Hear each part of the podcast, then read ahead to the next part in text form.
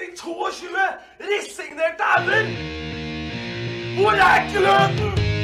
Hvor er engasjementet? Det er ingenting å tape!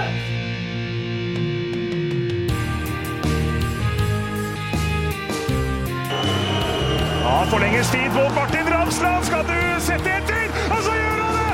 Martin Ramsland! Har du sett? Han kommer til å bli større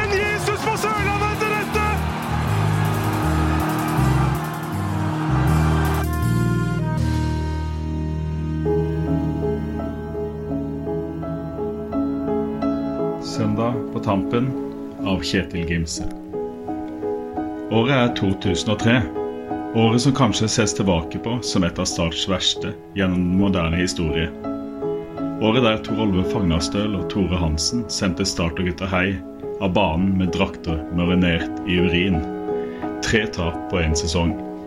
Året der alt var bratt. Dommer i 3-0-tapet på Kristiansand stadion var for øvrig vår alles favoritt Sønn av Dormoen, men det er en annen historie. Undertegnede var en trofast selvpiner fra tribuneplass hele sesongen og hadde satt seg i fore og på hver kamp stille opp for å støtte laget vårt. I medgang og smerte. Mest smerte. Sommeren er på hell. Undertegnede har hatt en relativt fuktig 18-årsfeiring dagen før. Får allikevel velta seg ut i den slitne golfen Gimse-familien brukte som fast fremkomstmiddel til Kristiansand stadion. Denne stadion, som hadde vært som et annet hjem siden 5-0-seieren mot Rosenborg med fulle tribuner i 91, og spenningen og forventningen man hadde i møte med starthallen og fotballskole som seksåring. Golfen ruller videre mot Kristian By, og undertegnedes form er som Bala Garbas taklingsferdigheter og Gustave Behoken. Helt ræva. Stopp halvveis på gamleveien ved Lillesand med påpakning fra eldstemann om å spy hvis jeg må. Og fint, sier jeg. Og alltid fint. 200 meter ut på E18 igjen. Desperasjon. Ingenting å spy i. Finner en gammel bollepose fra Esso.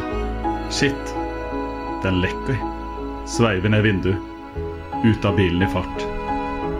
Den slitne golfen er nå marinert i galle og et enkelt salatblad fra frokosten. I baksetet sitter yngstemann Gimse, og nå starttrener Jan Robert Mini Holmgren i en blanding av avsky og fascinasjon. Er det et forvarsel for dagens kamp? Man kan takke tilfeldighetene for at Tigerberget dette året var plassert på gode gamle sittetribunen. Kaffe og vann og plastsmak i ræva ut kampen. Kampen starter, eller rettere sagt starter aldri, for tafatte startergutter blotta for selvtillit.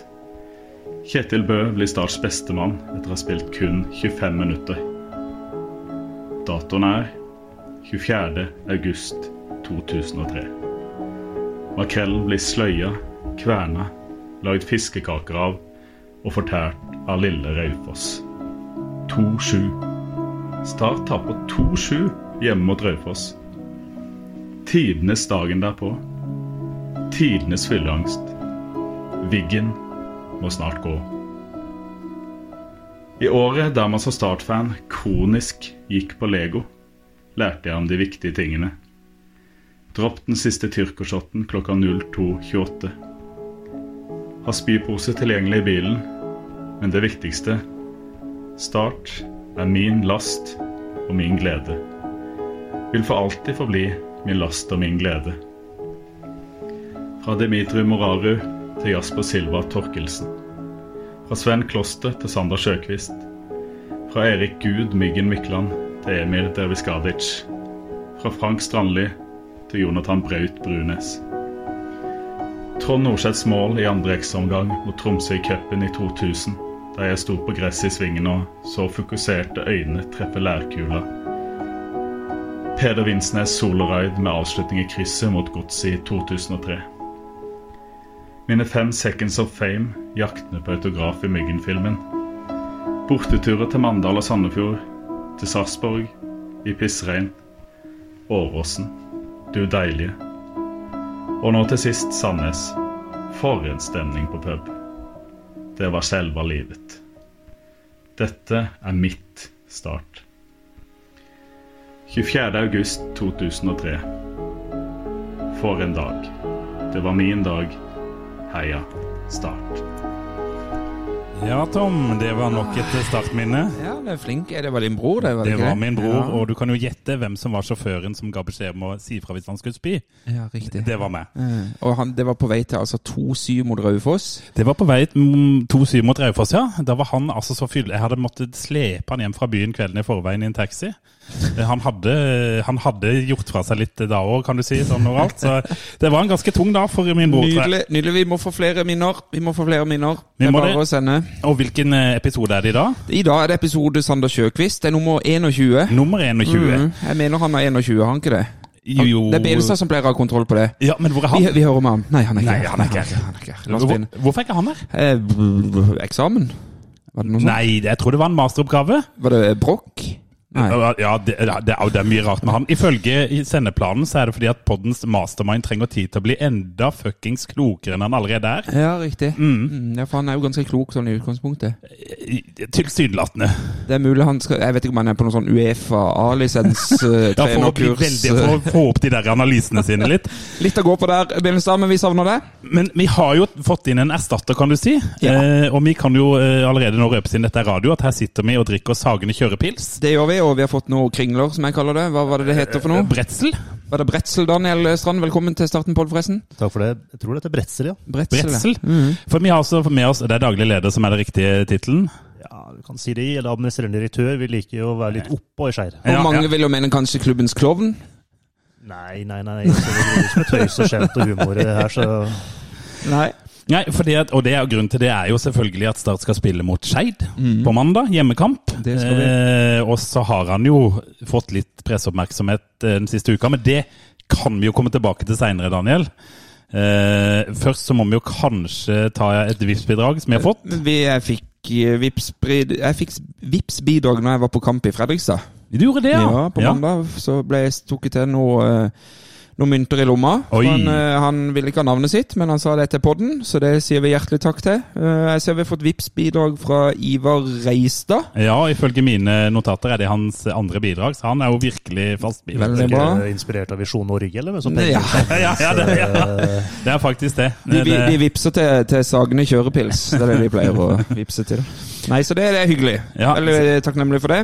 Uh, vi må vel kanskje innom Fredrikstad når jeg først nevnte det. ja, vi var jo der begge to, Tom. Ja. Sto ved siden av hverandre på tribunen der. Jeg syns jo Feven egentlig har hatt noen veldig fine gjennomganger av den kampen der. Uh. Men jeg synes de, det, det som var litt interessant der, var når du og meg satt gikk ut etterpå og satt i bilen uh, på vei tilbake, så var vi litt sånn Ja, det var dritt, men så ræva var det ikke. Og så satt vi og hørte på Pål og Daniel som gikk gjennom kampen, og der var det ikke måte på hvor dritt det hadde vært. Og så hører jeg på FVN kommer podkasten etterpå, og da sier Shayan eh, Som var til på stede, ja. Mhm. Han sier at han heller ikke fikk det inntrykket at det var så dritt eh, som det Pål og, og Daniel ga uttrykk for. Og da lurer jeg på om man oppfatter kampen helt totalt forskjellig. Ja, og Det virker jo nesten som at Pål kanskje var tilbøyelig til å være enig i at man kanskje opplever det annerledes når man er Ja. Men jo mer jeg på en måte har tenkt over og sett og analysert i mitt lille fotballanalytikerhode, så, så, jeg, så er jeg jo også langt på vei enig med Pål Jørgensen om at det var dårlig kvalitet. Det var sjelden mer enn tre-fire ordentlige, gode pasninger. Og, og, og vi kom jo veldig ofte, spesielt i andre omganger, rundt på kanten med Sander Sjøkvist, som heva seg noe betraktelig fra den første omgangen. Men det mangla liksom det siste lille foran kassa. det var litt mangel på punch, eh, for å bruke et sånn forslitt uttrykk. Og de, og de sjansene som Fredrikstad faktisk hadde, var ganske store når jeg så de i reprise på TV. Det var litt vanskelig å se når vi var på kamp, ja. for vi sto jo på den andre kortsida, så det var liksom bare noe ball inn foran mål, og så skjedde det et eller annet. Men nok en gang er det sånn når det mobiliseres litt grann og er bra med tilreisende, så går det Start. Det er så forbanna typisk. Det er som i Sandnes, som i Fredrikstad, og det er, det er jo helt imponerende at folk gidder, tenker Ja, jeg. er jo helt uh, Altså, jeg gjør det jo, for jeg dette har jeg jo drevet med i 20-25 år. Det er en hjerneskade og en diagnose, Ja, ja, ja. Men at, at liksom, hva, la oss kalle det hvermannsen, Ja. orker dette her. Ja, for jeg, ser, jeg, ser, altså jeg så folk der som jeg ikke eh, legger merke til ellers. Altså, det var, og, og det, det var eh, mye folk, og han seksjon Tyskland var der jo Ja, igjen. ja, ja. Og, eh, mye hyggelige folk på tribunen, uh, men Men, men jeg, også var det, jeg prata med en annen eh, kamerat også i pausen her. Hvor, hvor ofte snur vi sånne kamper som dette her? Aldri! Eh? Aldri! Sånn, sånn type relativt jevn kamp. Kommer under på bortebane. Vi har bra med tilreisende folk. Hvor ofte snur vi det til 2-1, liksom? Nei, det skjer jo aldri. Nei. Det er, jo, det er jo totalt motsatte av f.eks. Ja, hvis vi skal ta inn en som har vært i Skeid og Start, Tom Nordli. Da snudde de jo alltid Mm. Ja, ja. kampene. ja det, vi må kanskje tilbake til 2005 da, og den Det var siste gang vi slo Fredrikstad òg. 2-1 borte. er Husker du hvem som stanga inn det målet på overtid? Ja, Marius Johnsen. Ja, det var Marius Johnsen på corner. Eh, du var òg i Fredrikstad, Daniel, og du har sagt at eh, du var egentlig mer der for å kose deg. Men, eh, men fikk du noe inntrykk av kampen mellom all kosen? Nei, for, mi, for min del så var det der en uh, forglemmelig kamp. Altså Ja. Ikke en kamp som jeg egentlig sitter igjen med særlig bilde av å huske. Altså En uh, litt kjedelig fotballkamp for en som er i utgangspunktet nøytral. Jeg tror og håper at det er to lag sine resultat som ikke trenger å bety så mye for min del i år. Ja. uh, at den andre klubba gjerne ser ikke vinner så mye fotballkamper enn dem to her. Mm.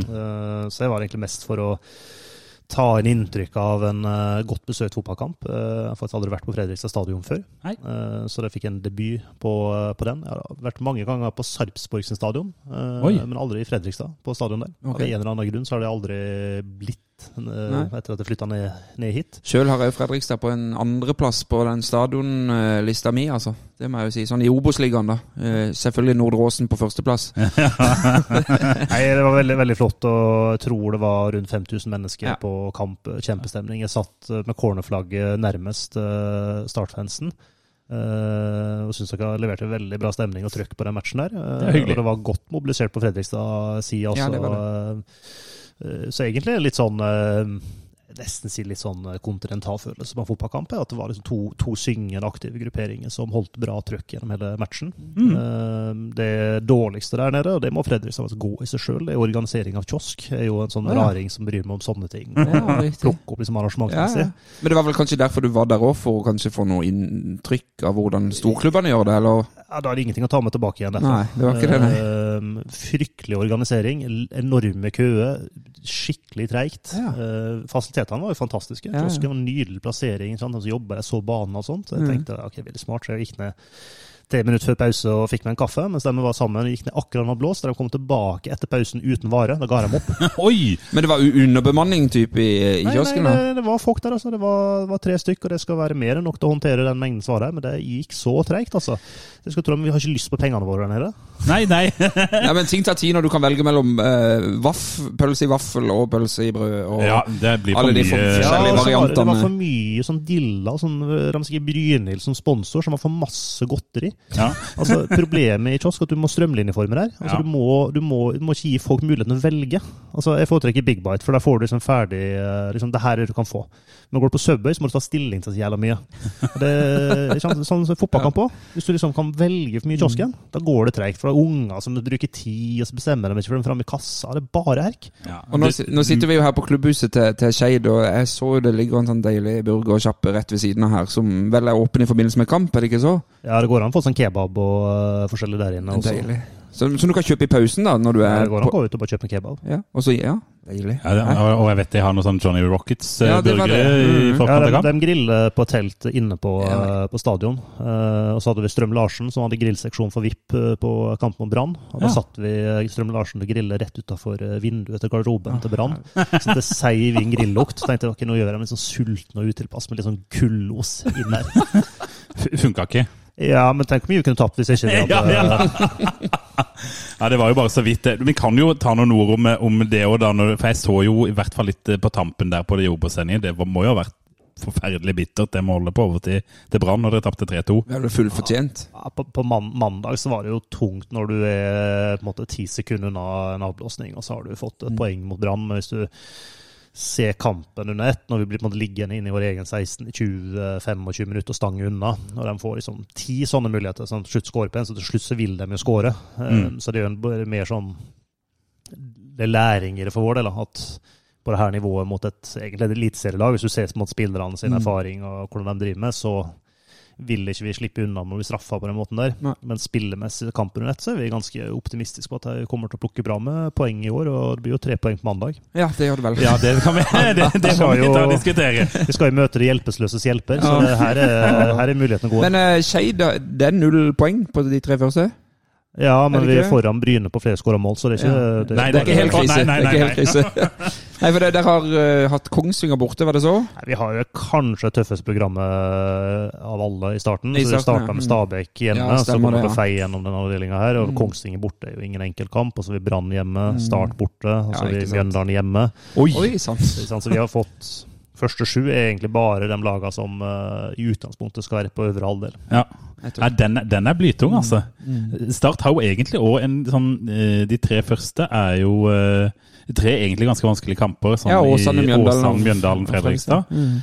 Eh, Nå ser jeg ut de fleste er veldig Ja, Shades vi til mannen. Shades slår vi. det er jeg ikke jeg sikker på. Ja, ja, bare ha en holdning av det.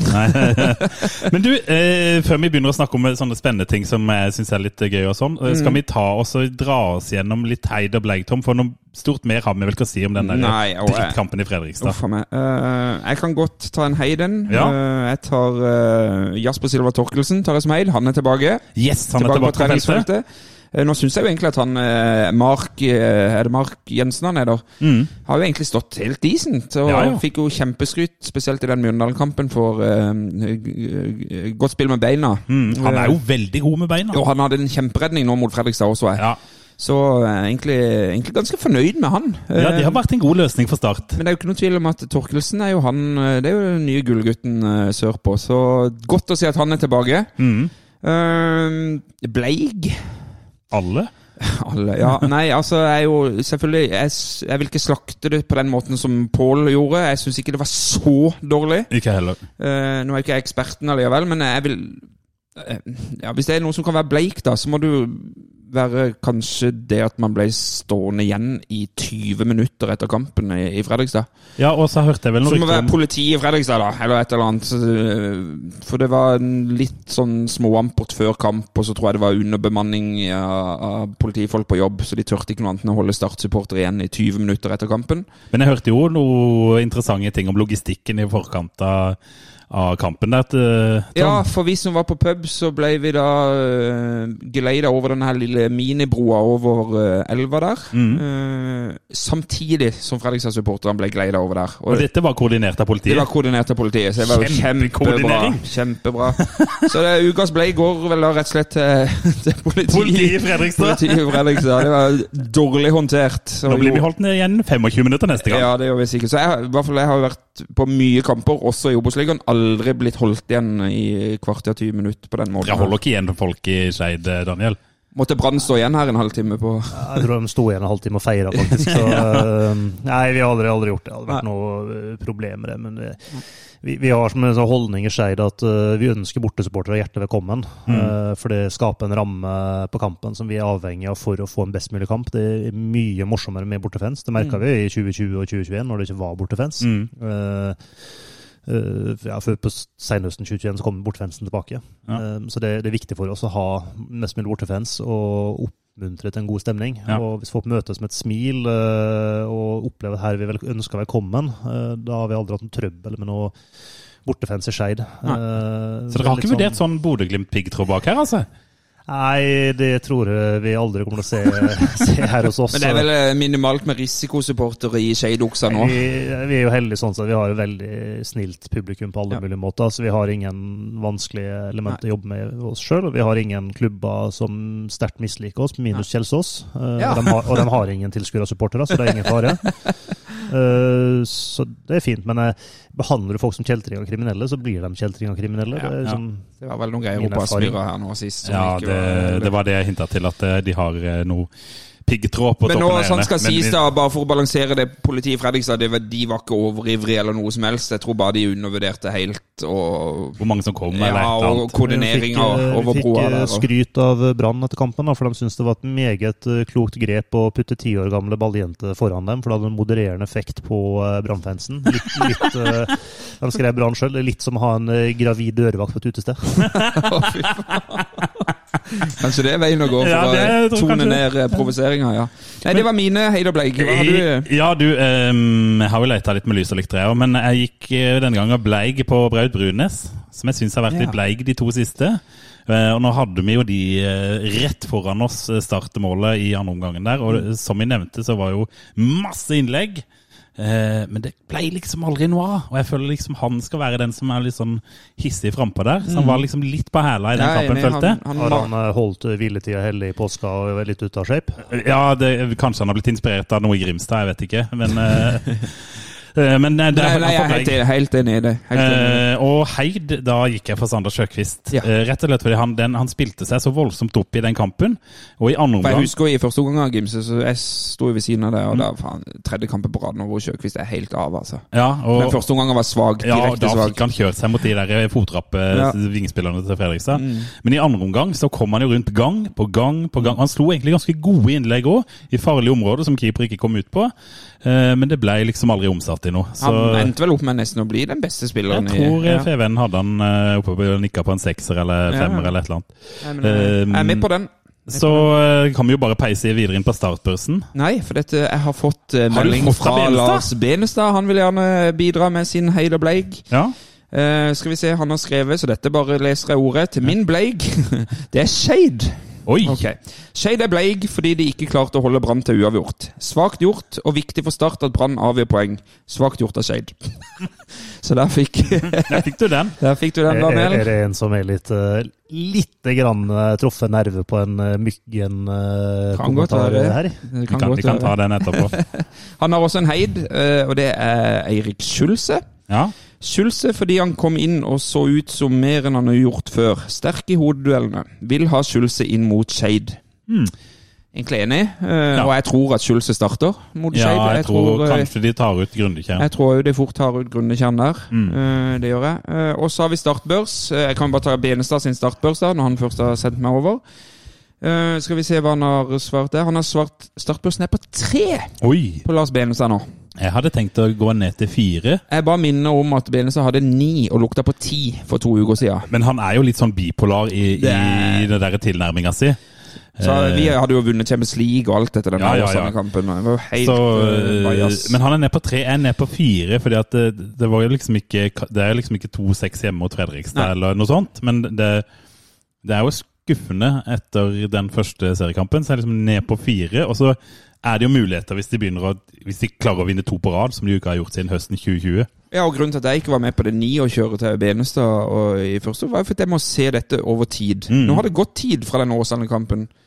Ikke sant? Hadde vi vunnet mot Mjøndalen, så hadde vi fått to seire på rad. Mm. Hadde vi kanskje tatt et poeng i Fredrikstad. Så kunne jeg vært med og lukta på denne 8-9-bølgen her. Men det gikk jo som, eh, som jeg sa. Vi vant ikke mot Mjøndalen. Tapte nå sist. Fire. Ja, Men da blir det fire. Eh, bare forklaringa til Benestad. Startbøssen fordi vi tapte kampen, tapte terrenget i gang, klarte ikke å skåre mål, klarte ikke å gi de tilreisende valuta for tiden og pengene brukt. Skuffelsen over en mulig meget god start på sesongen, som ble en dårlig start på sesongen. Akkurat som jeg sa til deg, Lars Benestad. Mm. Men der, der er jeg helt uenig. Eh, det med at eh, tid og valuta for dem som har reist, altså har, eh, har det noe å si? Og så lages prestasjon på opplevelsen på reise?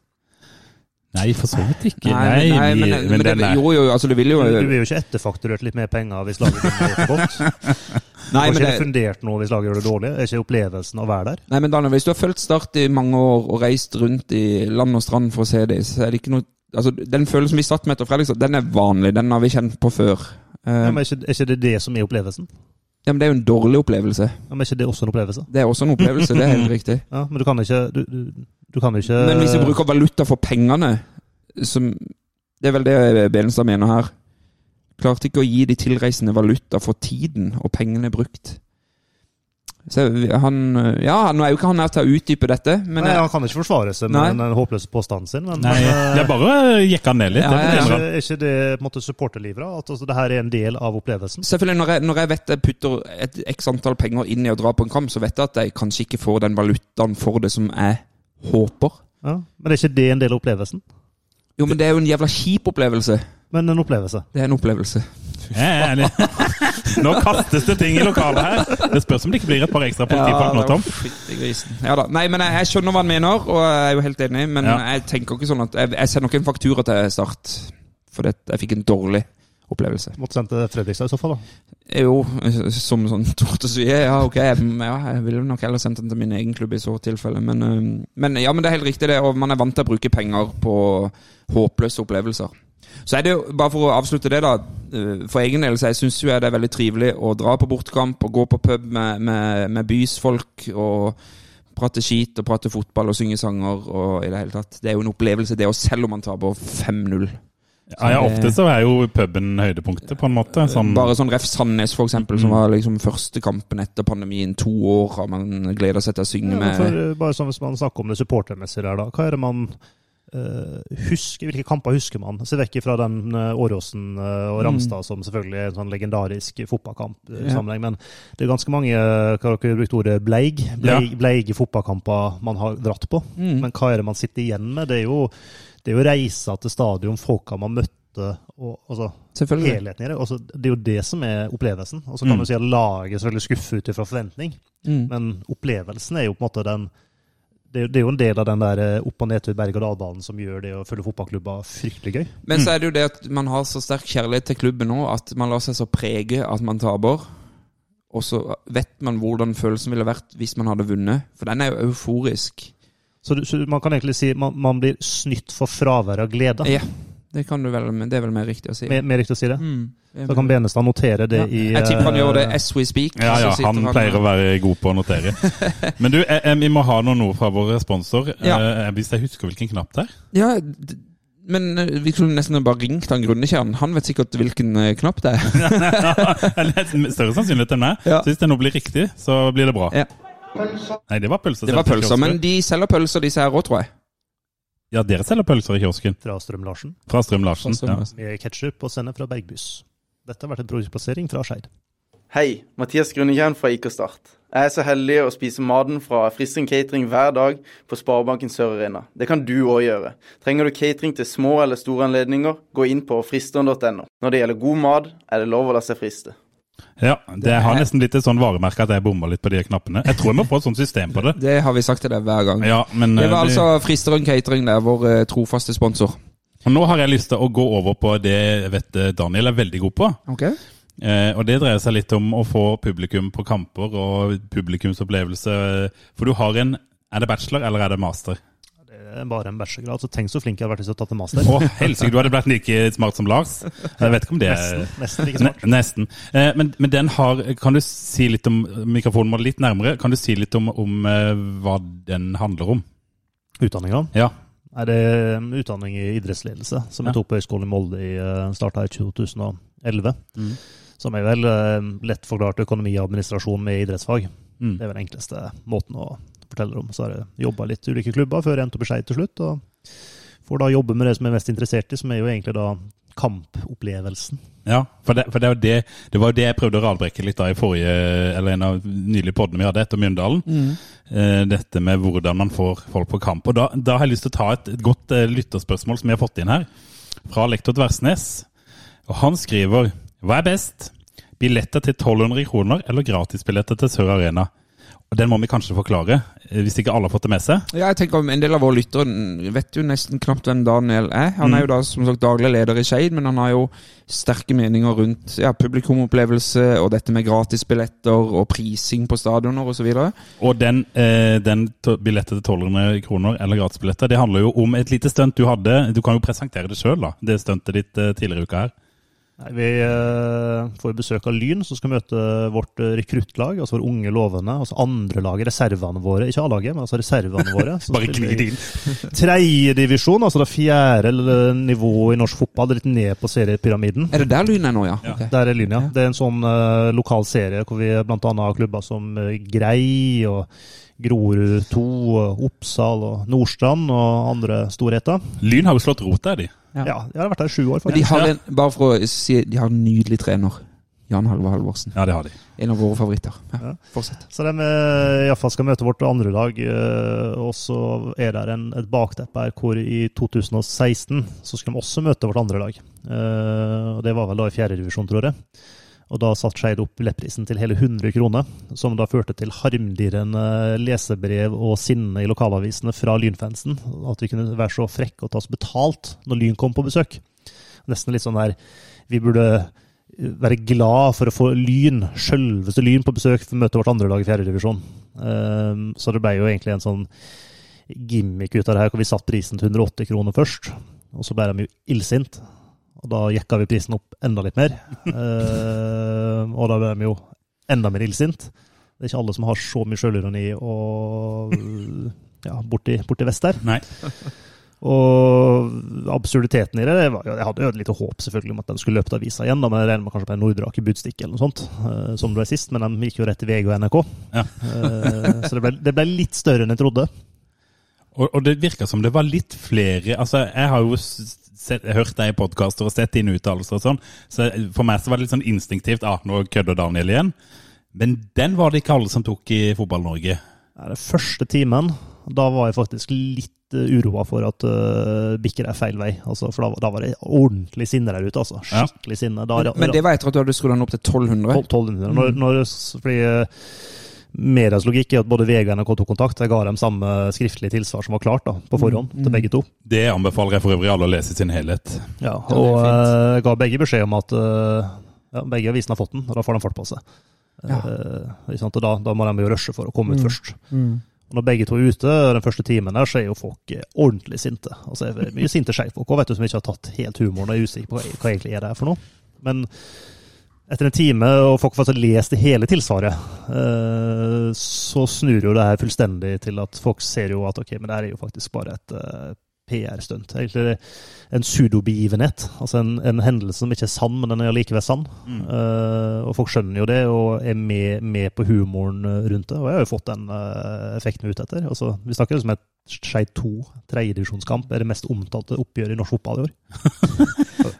Og, jeg, tenker, jeg tenker du da, som, som daglig leder i en, en relativt liten klubb eh, altså All PR er god PR på mange måter. Eh, Ja, både og, men det er dere så heldige å ha en lokalavis som følger klubben veldig tett. Eh, og Start har jo ikke alltid vært den flinkeste til å informere om omgivelsene sine sjøl. Jeg følger jo tett med alle klubber i Norge. og Leser nettsidene deres og følge med. Og at man da har lokalavis som gjør den jobben, det har jo dessverre ikke vi i Oslo. Altså, vi har Dagsavisen som gjør en fantastisk jobb, men de dekker jo alle. eh, I tredjedivisjonen og opp, Mm. også Lyn. Uh, mens vi, vi mangler liksom den der uh, motoren da, som driver interesse for oss. Det er jo kjempemisunnelig på Brann, som har liksom det fire reportere for BA og fire reportere for BT Mm. når de har kamp her. Eh, så vi får jo ingen oppmerksomhet gratis i Skeid. Det har vi sett. Ikke sant? Jeg jobber i den er femte sesongen min her og ser liksom at det, ja, for da må du gjøre det sjøl, rett og slett. ja, all forhåndsomtale rundt brannkampen, minus uh, bortepressen, da, Mm. den har vi jo generert sjøl på en eller annen måte. Så, så vi må jobbe proaktivt med å eh, skal vi kalle det plante saker, men vi må lage saker som er interessante for noen å plukke opp. Mm. Uh, skal vi bryte gjennom og bli omtalt og være relevant. eh, så gamle Skeid-folk er elsker jo at nå plutselig Skeid vært i uh, rikspressa flere ganger i det siste. Mm. Med dødballsponsoratet vi fikk inn der. og Ja, som. TV 2 lagde jo sak på og ble plukka opp. Altså. Men det, det er sånn vi, vi gjør ikke det her bare fordi vi har det gøy med det på kontoret. Men det er jo fordi det her er virkemiddel som fungerer, og vi er nødt til å gjøre. Da skal vi bryte gjennom. eh, For eh, ja, dere følger jo ikke Skeid aller tettest. Nei. Men jeg vil tro at dere har fått et inntrykk av hva er Skeid for noe de siste åra, pga. Måten vi jobber på. Yes. Der dere for fem år siden sikkert bare Ja, det er den Danny Bråten-klubben, det. Ja, ja, ja, det har du nok helt rett i. Ja, altså, jo da, jeg tror kanskje for meg og Lars Martin så er det nok annerledes, men for hvermannsen i hvert fall så tror jeg nok de har et litt sånn det er Daniel Bråten-klubben. Eh, Jeg syns også alltid Skeid har fremstått som en hyggelig Oslo-klubb. Mm. Eh, En absolutt en, av en, en artig klubb å følge. Og jeg tenker mye av det han Daniel gjør, savner jo jeg i Start. Og det er derfor jeg, det er derfor jeg syns spørsmålet er godt, uh, som vi- vi begynte med fra Lektor Versnes. Uh, for han uh, For du har jo snakka litt om dette med gratisbilletter før. Da kan du spørre, Hva er best billetter til 1200 eller gratisbillett til Sør Arena? Er det 1200? Ja. Men, men, men det, det, er, det er veldig mange som har hørt den Pyro og Pivo-episoden som ble egentlig ganske stor i det her lille universet med nerder, som Ja. synes det er spennende. Yes, det anbefales. Eh, Så det er mange som ikke har skjønt egentlig hva er budskapet jeg kommer med. fordi igjen, det er liksom med pressa at du er nødt til å uttale det litt i absolutta og litt sort og hvitt for å spisse budskap da, for å bli lytta til eh, der ute. Altså Hvis du tar på en akademiker som har forbehold med alt, så, Mm. så du blir liksom ikke Du får ikke noe rekkevidde i det, så du må være litt, uh, Litt spiss. Litt spiss. Mm. Og når jeg sier at fribilletter er døden, uh, og det må koste for å få kvalitet, så er det noen som ikke forstår helt hva jeg mener der. Men For meg handler det egentlig om hva kommuniserer vi. Eh, hvis du lager en annonse på en startkamp, og så legger du på sånn tilbud à la Rema 1000 der, og sier 'vi har masse plass'. Ja. Altså, du, du, du egger jo ikke opp noe interesse, bare sånn Hvem har lyst til å gå på eh, restauranten 'alltid ledig bord'?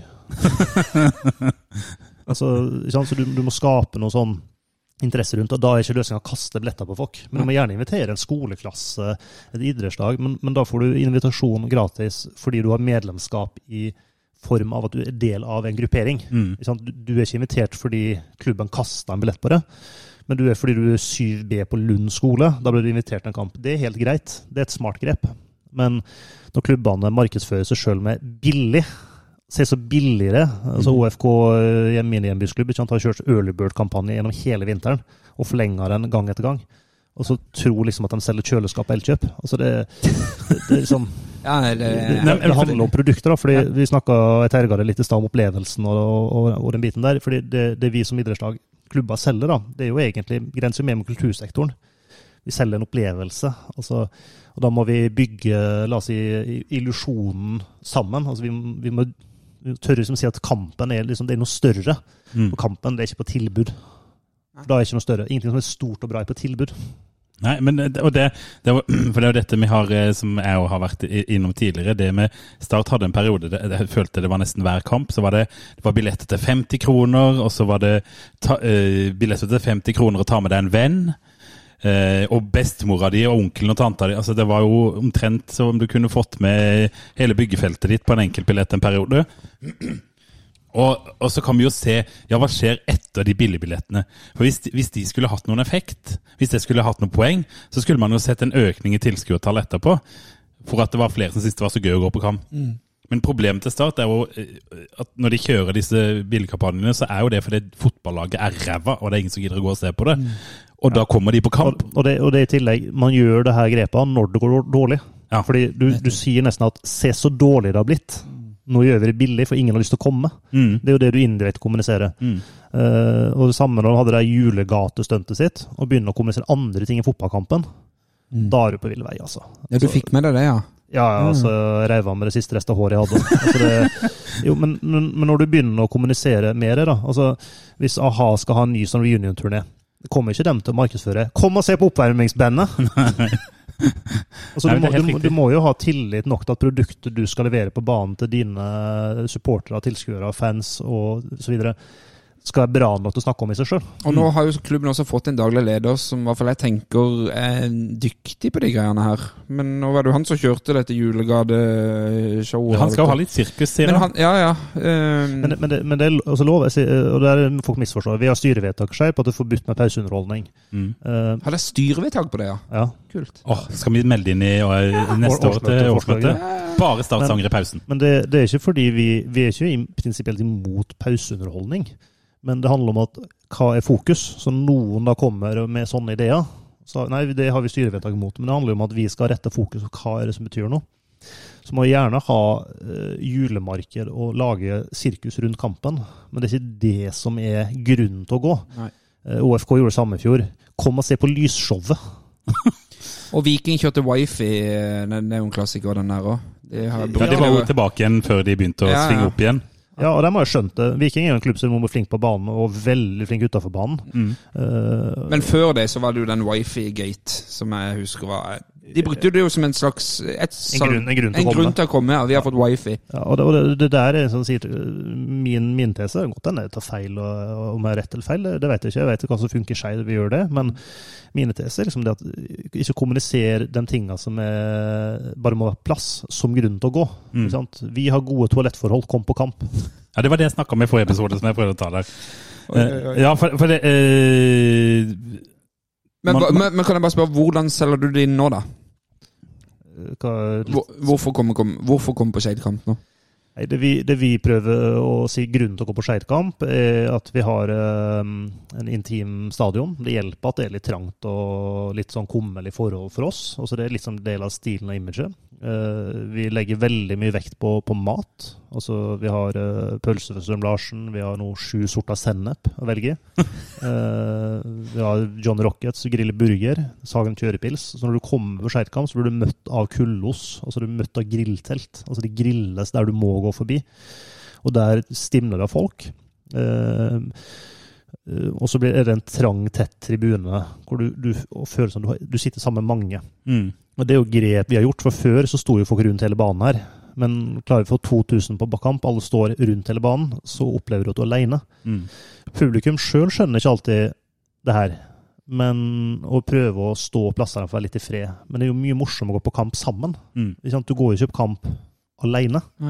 Eh, noen gjør det jo, men de fleste vil på jeg kunne gjort det, men, men, men, eh, men du vil allikevel sitte sammen med publikum. mm. Fordi det er jo publikum som gir på en måte skape sin egen mening i matchen. da. Altså Dag Solstad sa det at et uh, tverrliggerskudd uten kol publikums kollektive stønn har ingen mening. Fordi det er jo en bom. Ja.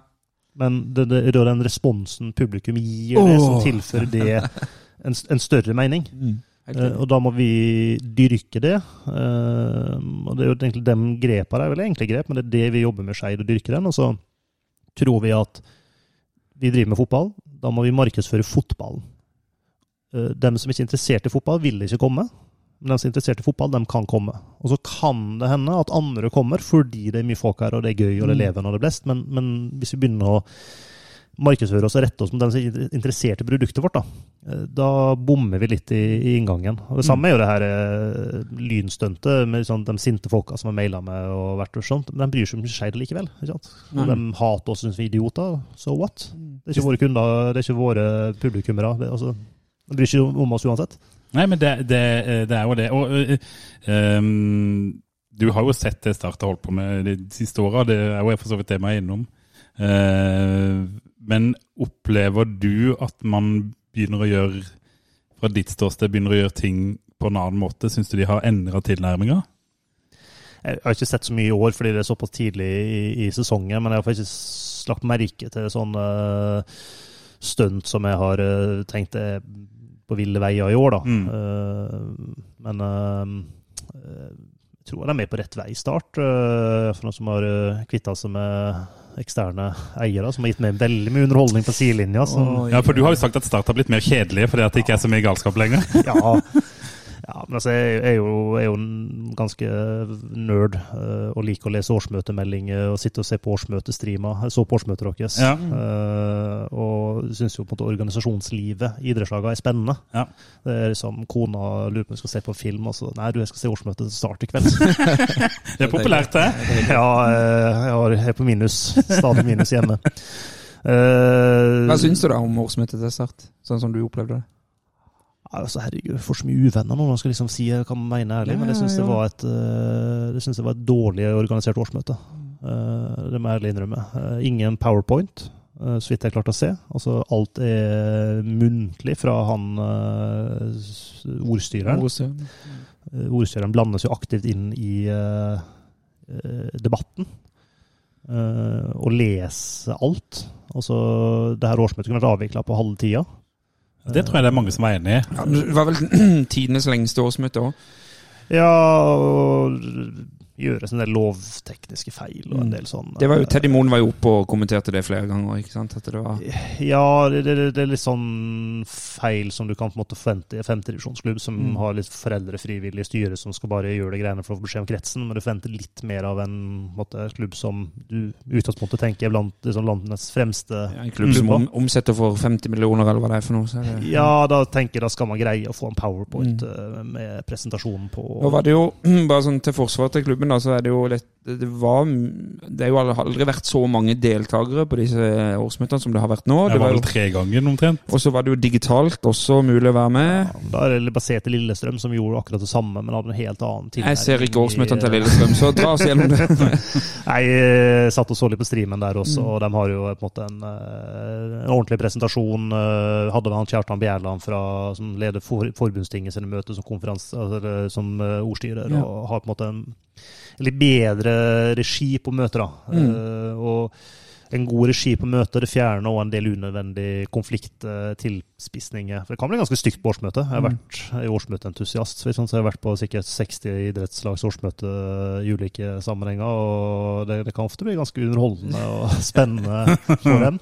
I start var vel det meste største dramaet der styret bare litt sånn på sparket var enige om å trekke forslaget om å eh, gjenbruke den der uh, helveteslogoen til eh, Start en drøm. Ja, men det, det er jo sånn Det blir det er sånn årsmøtenerding igjen, da. Men det er sånn, hvis forslaget hadde vært på en slide, Ja. folk kan se forslaget, men ikke sant? Du, du, du, du kan gjøre det her så mye, mye smidig. Mm. Men jeg tror jo jeg tror klubben har lært mye av dette årsmøtet som var nå. For det var mye av disse tilbakemeldingene her at dette var ustrukturert, og det var rotete, og det mangla en del. Eh, Ja, men, men nå er det bare å se den eh, Rosenborg kom ut med årsmeldinga si i går. Det ble skrevet med mistillitsforslag mot Rune Bratseth. Ja, stemmer det. leste i TV 2. og så var jeg ikke inn og så på den meldinga der, og der var det jo ikke sant, kommet eh, 13-14 forslag med mange forslagsstillere. Så vi ser jo på en måte en oppblomstring av det politiske livet da, fra supportermiljøet inn mot klubba. Og det blir ikke mindre av det her de kommende åra. Da kan jo klubbene velge skal vi skal vi spille på lag og finne gode løsninger for å være med på den, det som skjer nå, eller skal man sitte og stritte imot og at årsmøtet skal bli på en måte arena for øh, strid og politikk? Mm. det er jo valg man kan gjøre som Så klubb. ser jeg også at flere klubber også nå får en slags eh, supporterrepresentant inn i styret. Eh, sist nå ut var vel Vålerenga, tror jeg, hvor han Sandvik er inne i styret der. Uh, Sjøl har jo Start, vi har jo også en slags uh, supporterstemme i, i styret. Ja. Jeg tror det er lurt det for å bevisstgjøre at dette er alle sin klubb, og ikke Ja, bare Brann også har jo han Ja, eh, Per. Arne Flatberg, som er jo en eh, kjent tribunesliter i, i Bergen, som sitter i styret. og jeg, jeg tror jeg tror det er veldig smart av klubbene, for da har du en, eh, en touch ned i, i det miljøet. Eh, Jeg tror du unngår veldig mange saker du kommer på skeiva på, eh, sant? Ved, å, ved å gjøre det. Uh, Men jeg sier ikke, du skal ikke aktivt gå inn og finne Du er supporter, du besitter styret. Du må jo ha kompetanse og Ja ting å tilføre, og alt sånt, men det, men det er jo så mange mennesker i en supporterklubb at det er jo noen Det er alltid noen. Man kan finner det. en jobb. og Da har du kanskje en i styret som kan si at uh, å tøyse med logoen, det gir kanskje mer negativ uh, effekt enn positiv effekt. Ja, for Der tror jeg de ble tatt på senga av Start en drøm når de gjorde det. For de innførte den logoen, og så ble det jo et helvetes spetakkel når de kom med den derre, for, for å bruke Terje Markensen sine ord, Kina-logoen! Som jo er den derre som liksom skal ligne på en løve. De kom, Det ble jo et slags kompromiss, da.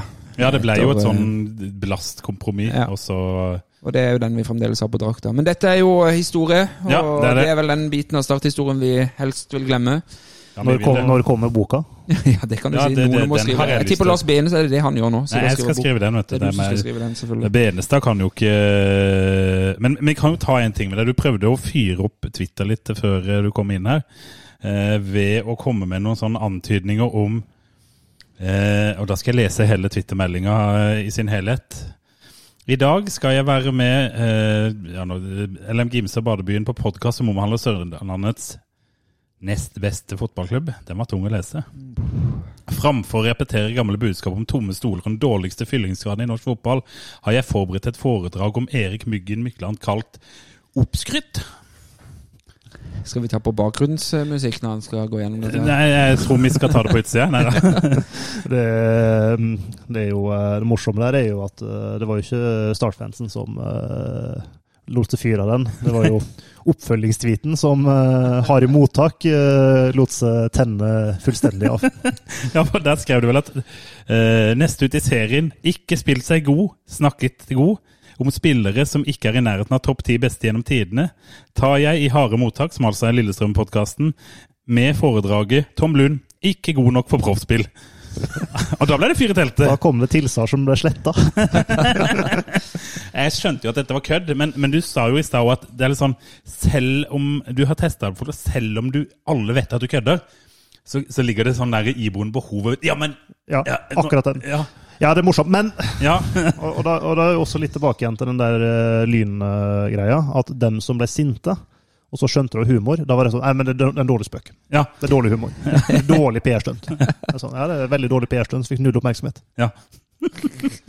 Nei, men det, det er jo sånn eh, når, når du driver, og det tror klubbene må tørre å drive litt vennskapelig banter mm. for å pirre nysgjerrigheten og interessen og bygge noe her rundt det her. Men det er veldig, veldig min stil så bevisst på at jeg, jeg henger ikke ut enkeltindivid, jeg er ikke slem med noen. eh, Men jeg syns det er lov å tøyse med klubb, gruppe, eh, også de, de store tinga. Men, men jeg vil aldri måte, begynne å lage humor på at eh, han der er så dårlig, gjør en ræva jobb i klubben sin og drittrener. Og Altså, det, det går an å lage ganske mye morsomheter uten at du slemmer noen. Så du mener ikke at Erik Mykland er oppskrytt?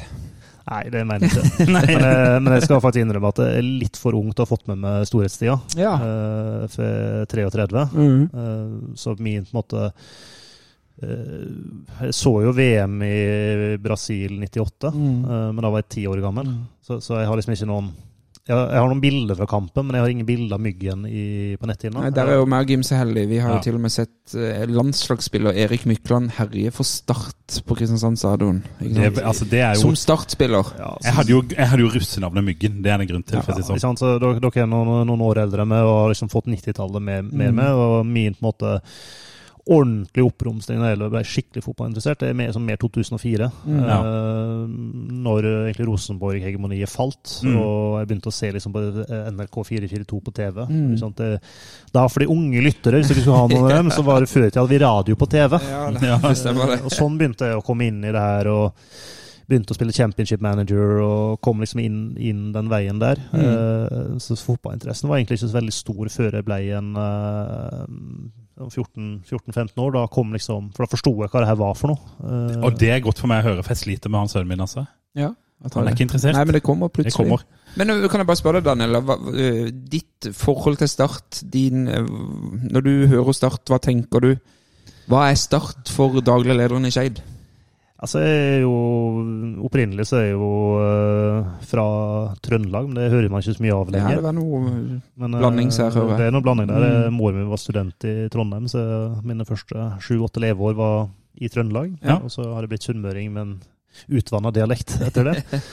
Eh, Så Start og Sørlandet har liksom alltid vært så langt unna geografisk. så Jeg har liksom aldri vært noe særlig på kamp der. Jeg har aldri hatt noe sånn um, eh, noe forhold til det, fordi det blir sånn klubbene i nærheten, dem med dem du drar på bortetur til og ser litt og er på. Så Start har en klubb egentlig fulgt mest uh, gjennom TV-ruta. Da er jo uh, Men da fikk, du, husker du sikkert 2005-sesongen? 2005 Mm. står, stå veldig sterkt. Uh, jeg jo uh, jobba jo med Tom i, eh, i to år i Ja, det Skeid. også. Ja, for det er det noen som spør om, det kan du ta Mm, det etter kan det. altså. Eh, Sånn at vi har ja, egentlig det som er sesongen, og så har Start egentlig fascinert meg veldig. Men da er vi liksom mer over på liksom den der eh, nerdebiten av fotballen igjen. For det, det har fascinert meg at en, en så stor by og region eh, er så notorisk dårlig. Mm. Eh, altså jeg har ikke skjønt helt lynner her nede. da. Altså Jeg har ikke forstått helt det med at ok, stadion er for stor. Den, den, det trenger ikke man å rippe opp i. Men eh, allikevel så er publikumsoppmøtet så svingende varierende. Og jeg hadde liksom tenkt hvorfor greie sånn mye mindre plasser da, og være mye mer stabil høyt oppe? Uh, hva, hva er grunnen til at Start, Kristiansand, Sørlandet da, som, fordi Se hvor Jerv har kommet nå i det siste, Mm. så har jo Kristiansand og Start vært alene med hele landsdelen. Altså, Mm. Det er ganske langt det nærmeste Ja, så det er seriøse- Skien og Stavanger på en måte mellom Ja. der. Så vi hatt så, så hvorfor, hvorfor har ikke man greid at det her skal være fyr motor da, i norsk fotball? Altså, Mm. hva, hva er, hvorfor er det bedre rammevilkår i, i Drammen? Mm. Altså, hva, hva er liksom Og Hvis du finner svaret på det, så eh, ansetter jeg det. Ja. På vegne av Start. Jeg tror, jeg tror ikke jeg kan eh, bo og jobbe på Sørlandet med min eh, noe dra-til-trynestil. Så jeg tror jeg har blitt jaga nå. Selv Arne altså- Sandstø klarer å hisse på seg med by der, så. Nei, men altså, det er det folk, er det manglende vinnerkultur? Er det noe i veggene her som aldri vil forsvinne? Det er jo den evige Det diskusjonen. er evige diskusjonen, Altså, jeg, jeg skjønner jo hvor din Ja, det spørsmålet ditt kommer fra. Det er jo noe vi spør oss sjøl hver søndag. Hvorfor Men- får vi det ikke til? Men, men da kan vi jo Jeg fikk et spørsmål fra Morten Løvsland på, eh, på Facebook her. Eh, Spør litt om tida til Tom Nordli i klubben. Det er jo veldig bredt, da, men hvordan var det å jobbe med Tom i Skeid? Det var interessant. Eh, Han er jo en eh, kjent skikkelse på Sørlandet, det kan man jo si. Det kan man si. Det er, hver gang en Start-trener blir sparka, så er det noen som roper på Tom Nordli. Ja, det er vel del, delte meninger om Tom Nordli på Jeg så, Sørlandet. jeg så over siste gangen, og så skrev jeg Fevennen at eh, Tom Nordli som, som kandidat Tom Nordli må alltid med på disse listene, men det skjer vel ikke denne gangen heller. Så det var vel liksom, sikkert lansert for uh, 20. gang Ja. eh, siden 2005. Nei, Å jobbe med Tom var fryktelig, fryktelig lærerikt, altså. Eh, Det må jeg si. Da var jeg første reisen jeg kom hit i 2018 og aldri jobba i toppfotball. eh, Og altså, ditt første møte med Tom Nordli var din første liksom, jobb i Første jobb, ja. Da hadde Tom vært her i eh, to, to og en halv sesong, uh, når jeg begynte å jobbe her. Uh, skal ikke si, legge skjul på at Tom er en, en krevende type. Men når jeg på en måte lærte meg å kjenne han og forstå på en måte hvordan tenker han og fungerer, så fikk vi et veldig, veldig godt forhold og jobba veldig godt sammen. Mm. Eh, så den tida med Tom eh, det er jo opp- og nedturer. Vi hadde noen fighter og barka sammen over en del ting, men vi var jeg skjønt enige om hvordan gjør vi klubben best mulig og folk rundt oss best mulig. Så, så det fungerte veldig godt. Traff han på butikken rett før påske og god klem og takk for sist for litt lenge siden sist gang. Så, så Tom, Tom er en uh, herlig fyr å, å tilbringe tid sammen med. Altså, det er jo et, uh, ja, et leksikon av historier fra fotballivet som er fantastisk å høre på. Eh, For han rykka ned med dere i 2019. Rykka ned i 2019. Det var en sesong med bare oppoverbakke og stolpeskudd ut. Og så fikk han en muligheten i Lillestrøm som jeg skjønte jo at han måtte jo bare ta den. og Rykka ned der òg, han. had, var, var nær. Ja, det, var, det var hyggelig, den kampen der, altså. Og det var jo samme sesongen som Ja, da møtte jeg, møtte vi vel Shade på Intility. Åh, den legendariske But afterwards, da. But Det er afterwards, da. afterwards, da. Det er fin, altså. Der, er- der er jo Tom på, på sitt beste i, eh, i TV-ruta. Han får mikrofonen og kamera oppi der. Og så er det jo, Litt eh, temperatur. Litt temperatur der etter kamp, og så er det litt rullegardiner med. Og da, er det- da, det, det, det finnes sånn gullkorn i arkivet. Men hva tenker du er det liksom det mest fremtredende han klarte å innføre eller få til i Skeid da, på de årene? Det viktigste som ligger igjen etter Tom, at da Tom kom til Skei, så trente A-laget på halv bane med jente ti år på andre halvdelen. Ja. Og spillerne kom og gikk når de ville, og dro på feriesesong. Og det var, det var Han profesjonaliserte litt- ja, litt, altså? Han dro den klubben her med kraft av sin person og hvem han var, inn i en profesjonell hverdag. Mm. Uh, og stramma det fryktelig godt opp. Uh, og innførte en toppidrettskultur uh, i, i Skeid. Mm. Og den nyter vi jo godt av i dag også. Mm. Så det er litt sånn Carlo Ancelotti da, skrev jo i boka si at når han begynner i en klubb, så spør han gjerne hvorfor trener de klokka ti og ikke klokka fem. Altså sånne ting. Mm. Men hvis det er sånn det fungerer, så endrer vi ikke på det, for sånn har det alltid vært her. Mm. Så ting som er innført og fungerer, blir værende. Så, liksom, så ting Tom innførte som fungerer, ligger noe i sånn sånn har vi alltid gjort det her. Ja. Sånn, Mm. når trener A-laget, når møter vi opp, hvor stor bane skal vi ha? Veldig mye sånne ting som Det er det Nordli som har satt agendaen på. ja, satt mye av det, og, og det har vi bare videreført og gjør, Ja. gjør som før. Men eh, jeg skal ikke snakke ned noen før Tom heller, Nei, for det, det er så lenge før min tid at jeg vet ikke helt hva som hvordan Skeiv drev, da. Ja. Eh, men eh, at han måtte ha løfta en klubb som lå og vaka mellom Var inne i tredje divisjon og litt andre divisjon, men var, var ikke i nærheten av toppfotballen. da Mm. dro det tilbake til toppfotballen.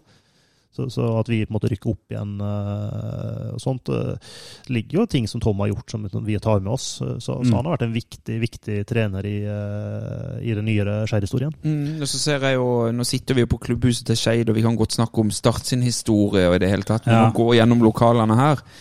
Det er Mye pokaler. Ja, det er noen pokaler og noen bøtter jeg gjerne skulle sett være på Sørlandet. Altså. Det var det kongepokaler fra Håkon den syvende vi så der inne. Ja, den siste han delte ut, eh, faktisk, før han døde. Oh, ja, det. Ja, det, det var jo det, Daniel gjorde jo et poeng av å eh, dra oss forbi alle lagbilder og cupvinnere og alt Ja, og det der. ligger en vimpel fra noe sånn Dynamo Moskva i 1947, som Daniel fortalte var den mest besøkte fotballkampen i Norges historie. Mhm.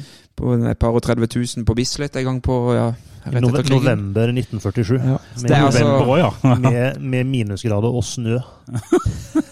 Å, helsike. Nei, så det er mye historie i veggene her, for å si Og, det sånn. og da har jeg lyst til bare fordi at eh, før vi, vi begynner vi kan, Det er vel ingen hemmelighet at eh, jeg må på jobb etterpå, faktisk. Ja, ja, må det. Mm. Uh, uh, men uh, det er et godt spørsmål her, som egentlig er litt Ja. inne på det jeg tenkte på, med, som fra Sondre Sakariassen. Har Skeid et langsiktig mål om å etablere seg i Eliteserien, eller er det mer sannsynlig at klubber som KFM eller Lyn tar posisjon som nummer to i Oslo? Eller Grorud. Eller Grorud? Ja, nå, nå har jo KFM i dag posisjon som nummer to i Oslo. Ja. Um, Så vi må jo forbi, forbi dem. Men, men det som er eh, vår store utfordring å jobbe med, er jo egentlig at inntektsgrunnlaget er så lite som det. Ja. Uh, altså vi har 6-7 millioner kroner i omsetning på A-laget vårt. Der har eh, Kongsvinger, da, som også er nyopprykka, har eh, tett på 20 Ja. eh, på A-laget sitt. Altså det, er et, det er et veldig stort gap innad i Obos-ligaen Mm. fra oss Oslo-laga, som er ganske like sånn sett, til um, neste nivå, som jeg kaller etablerte Obos-ligaklubber, sånn som Sandnes Ulf, Kongsvinger og dem som er på en måte mm, ja, hvert år er å regne med å kjempe rundt kvalik eh, i Obos-ligaen. Eh, der er gapet veldig, veldig stort. Men det, det da jo- ikke noe disse pornopengene som folk prater om. Jo, vi arva en del der, og, og det som er folk i Skeid heldigvis skjønner, men kanskje ikke alle omgivelsene alltid forstår det, er at det som holder oss tilbake i å bruke, det er jo våre faste årlige inntekter.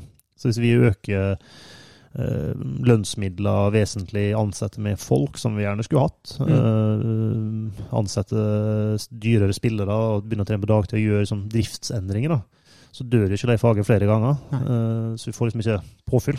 Nei. det er uh, Så da da- bruker dere bare opp det, Også, da er bruker vi opp det, og hvis da inntektene ikke kommer etter, da, så er du på en måte skifteretten, Mm. eller uh, må kutte fullstendig i drifta etter noen år. Og mm, Da blir du lyn.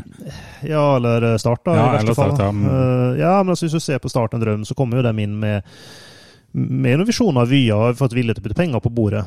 Men det går for fort. Mm. Uh, altså Det er ikke noe stein på stein. og Nå bruker vi 80 millioner og henter spillere og setter i gang. og så Da er du jo helt avhengig av sportslig suksess med å komme. Mm. Men du kan ikke planlegge for sportslig suksess i fotball, for du har noen andre lag som gjør det samme. Mm. Så det er ikke bare opp til deg sjøl om du lykkes. Er det ikke det de sier om en tabell før sesongen? Hvis du spør alle lagene, så er det ingen som vil komme dårligere enn sjuendeplass. Ja, ikke sant? Det er ganske trangt i toppen. Ja.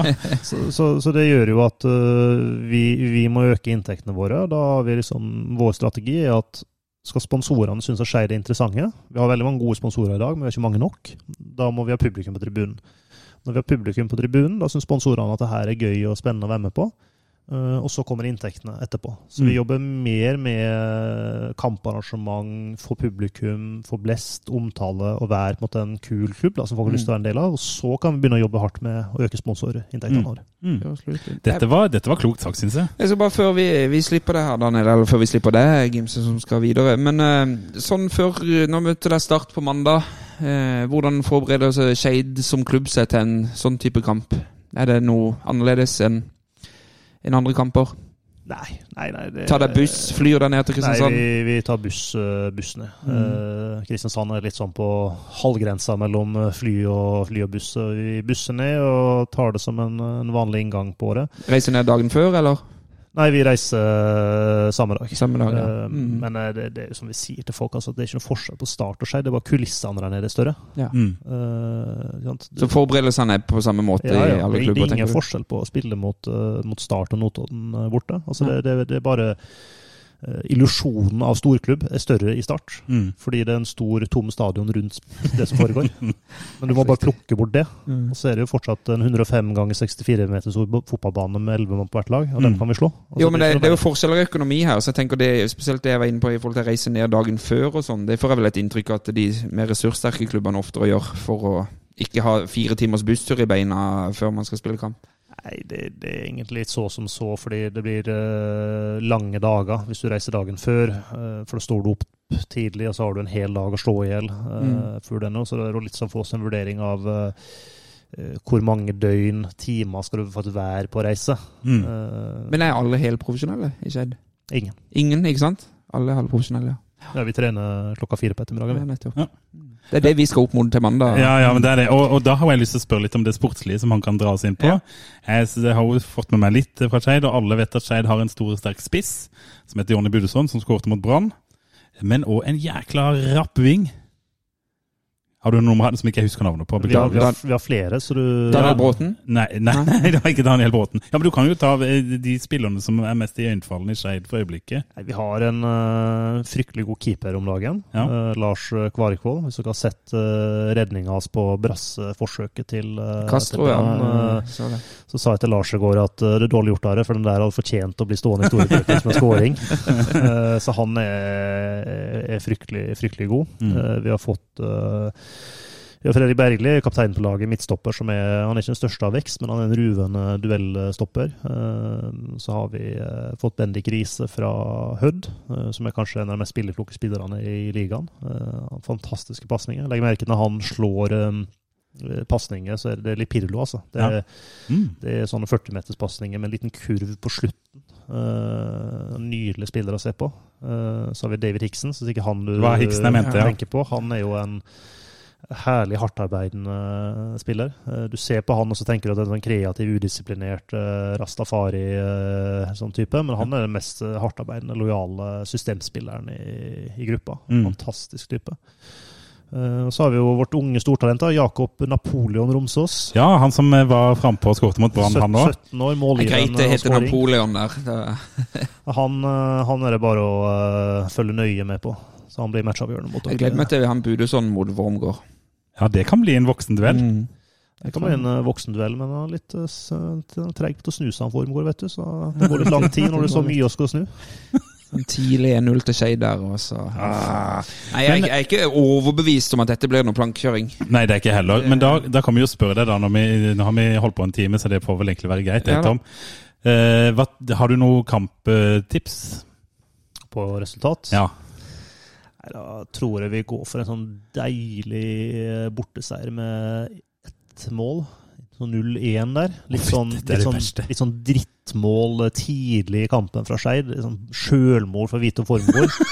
på en dårlig slått corner. Kan sånn, eh, får han på brystet og, og demper han inn i eget mål, for keeperen glapp ballen. Og så resten av kampen blir liksom ballen knapt i spill og sparkes ut. Og så blir det piping på tribunen og dårlig stemning, og folk skal ha refundert opplevelsen sin. og ja, Vi tapte Nei, vi vant 1-0 sist vi møtte Skeid hjemme i 2019. Når han beskriver dette her, eh, så tenker jeg at det kommer til å skje. Altså, jeg har sett det kampbildet han beskriver Jeg har sett det en milliard milliard Ja, ganger. ja, ja. Så det er ikke umulig at det skjer, skjønner du. Nei, og det skal jo spilles inn pod etter den eh, Ja, kampen nå. vi prøver i hvert fall å få det til. Ja, eh, unge lovende undertegnede skal på konsert.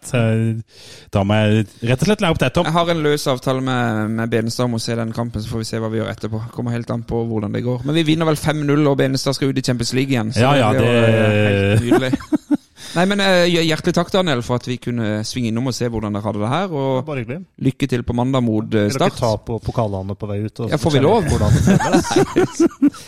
Ja, men det er greit. Da sier vi takk for nå, og vi Yes. avslutter som alltid med Heia Start. Heia Start. sa, sa, sa. Jeg ser inn i 22 resignerte ender! Hvor er gløden? Hvor er engasjementet? Det har ingenting